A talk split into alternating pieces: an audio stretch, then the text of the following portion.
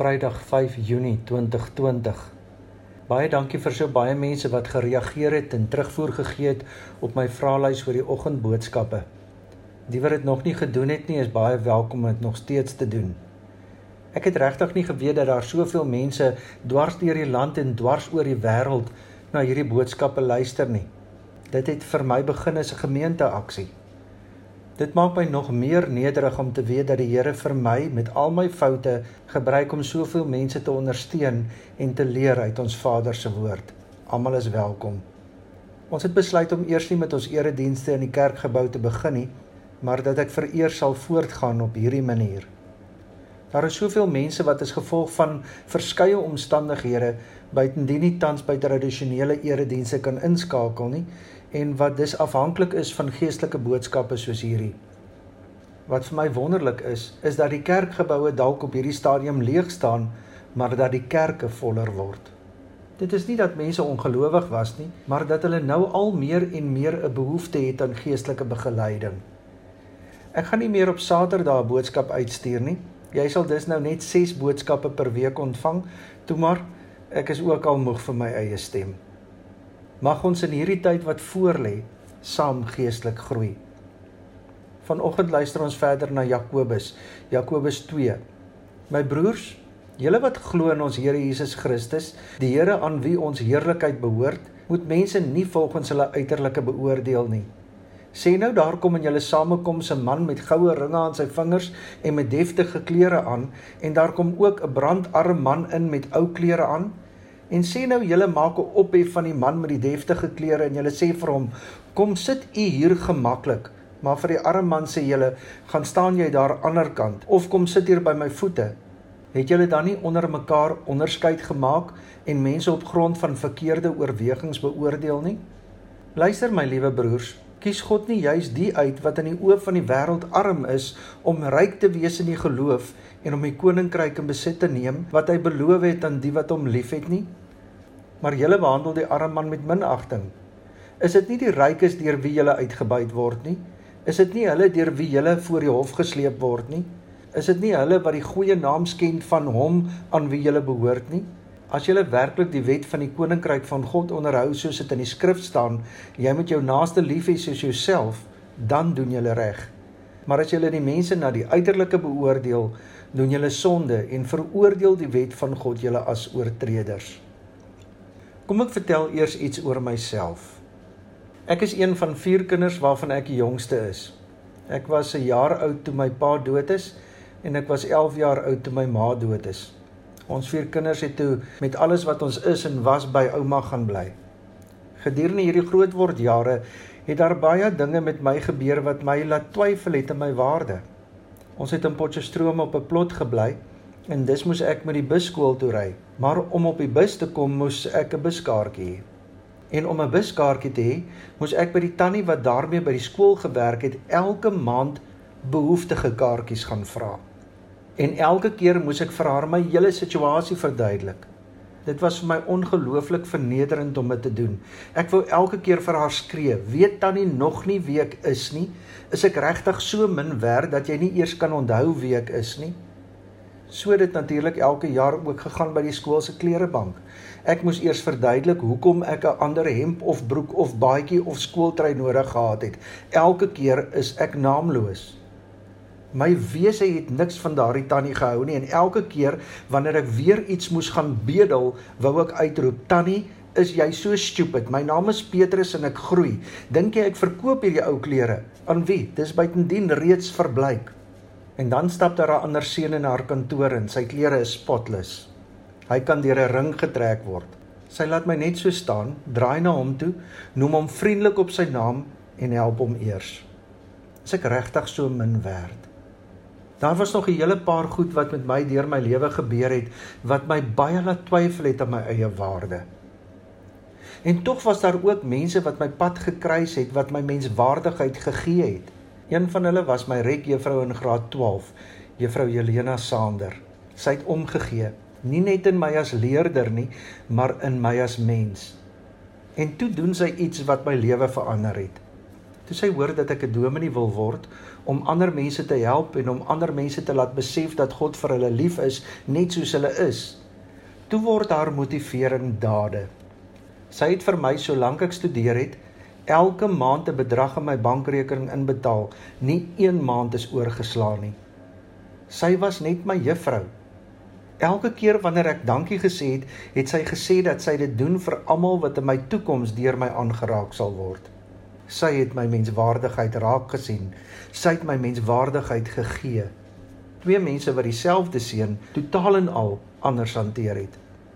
Jakobus 2 vers 2 sê nou daar kom in julle samekoms 'n man met goue ringe aan sy vingers en met deftige klere aan en daar kom ook 'n brandarm man met ou klere aan en sê nou julle maak 'n ophef van die man met sy deftige klere en julle sê vir hom kom sit u hier gemaklik maar vir die arme man sê julle gaan staan jy daar aanderkant of kom sit hier by my voete het julle dan nie onder mekaar onderskeid gemaak en mense op grond van verkeerde oorwegings beoordeel nie ons moet anders wees Volgelinge van Jesus behoort na elke mens deur Jesus se oë te kyk. Wat ook al jou verlede is, waar jy woon, waar jy skool gaan, waar jy werk, wie jou ouers is, wat jy besit, dit het alles 'n invloed op hoe mense na jou kyk. Dit is jammer, maar dit is so. God sê, wat ook al jou verlede is, waar jy woon, waar jy skool gaan, waar jy werk, wie jou ouers is, wat jy besit, het geen invloed op jou waarde as mens nie. Ons waarde is gekoppel aan wie ons God is en wat God vir ons gedoen het. Jy het soveel waarde vir God dat hy sy seun vir jou laat sterf het. Hoekom sal hy jou dan nou as waardeloos sien? Romeine 8 vers 37. Ons is meer as oorwinnaars deur hom wat vir ons liefhet. Hiervan is ek oortuig. Geen dood of lewe of engele of magte of teenswoordige of toekomstige dinge of kragte of hoogte of diepte of enigiets anders in die skepping kan ons van die liefde van God skei nie. Die liefde wat daar is in Christus Jesus ons Here. Soms laat ons omstandighede ons dink dat ons beter as ander mense is dat ons meer waarde as ander mense het. Ons word nie so gebore nie Ons ouers en familie maak ons so groot. Ons vriende beïnvloed ons. Ons sosiale en finansiële status beïnvloed ons. Soms is ons nie eers bewus van ons meerderwaardige houding en gedrag teenoor ander nie. Ek dink nie daardie skooltannie het besef hoe sy my laat voel het nie. Maar Jakobus 2 vers 1 sê vir ons: "Julle wat glo in ons Here Jesus Christus, die Here aan wie die heerlikheid behoort, moet mense nie volgens hulle uiterlike beoordeel nie." Die Bybel sê so duidelik dat alle mense deur God geskape is. In Genesis 1 vers 27 staan daar geskrywe: God het die mens geskep as sy verteenwoordiger, as beeld van God het hy die mens geskep, man en vrou het hy hulle geskep. Verteenwoordigers van God, beeld van God. Wie gee vir ons dan die reg om op mense neer te sien? Ons verteenwoordig God hier op aarde. My en jou houding en gedrag teenoor ander mense moet dus deur hierdie God gegeewe status bepaal word. As ons na mense kyk, moet ons hulle met God se oë kan raak sien. Waardevol, belangrik, verteenwoordiger van God, beeld van God. Te dikwels hanteer ons mense volgens die status wat ons en die samelewing aan mense gee. Ons hanteer daagliks mense op grond van hulle uiterlike ons vooropgestelde idees beïnvloed hoe ons teenoor ander mense optree. Bloot op grond van mense se uiterlike besluit ons of hulle waarde het of nie. Bloot op grond van mense se uiterlike besluit ons of hulle minder waarde het as ons of nie. Jesus het mense as waardevol gesien toe hy vir hulle aan die kruis gesterf het. Hoe kan ons dan dink ons is beter as ander mense? Neem ons mense ernstig op? Matteus 25 vers 40 sê: "Dit verseker ek julle, vir sover julle dit aan een van hierdie geringstes van hierdie broers van my gedoen het, het julle dit aan my gedoen."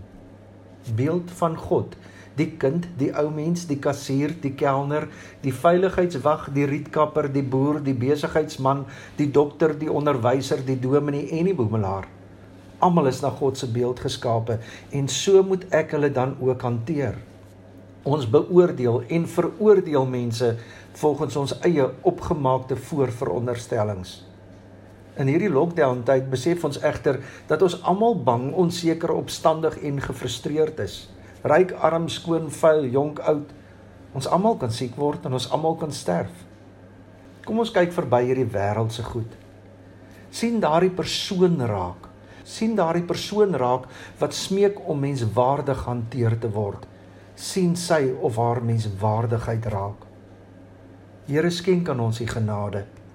Lig waar ons nie donker sien, moed waar ons vrees, hoop waar ons wanhoop, vrede waar ons gemoedere storm, vreugde waar ons hartseer is, krag waar ons swak is, wysheid waar ons verward is, sagtheid waar ons bitter is, liefde waar ons haat.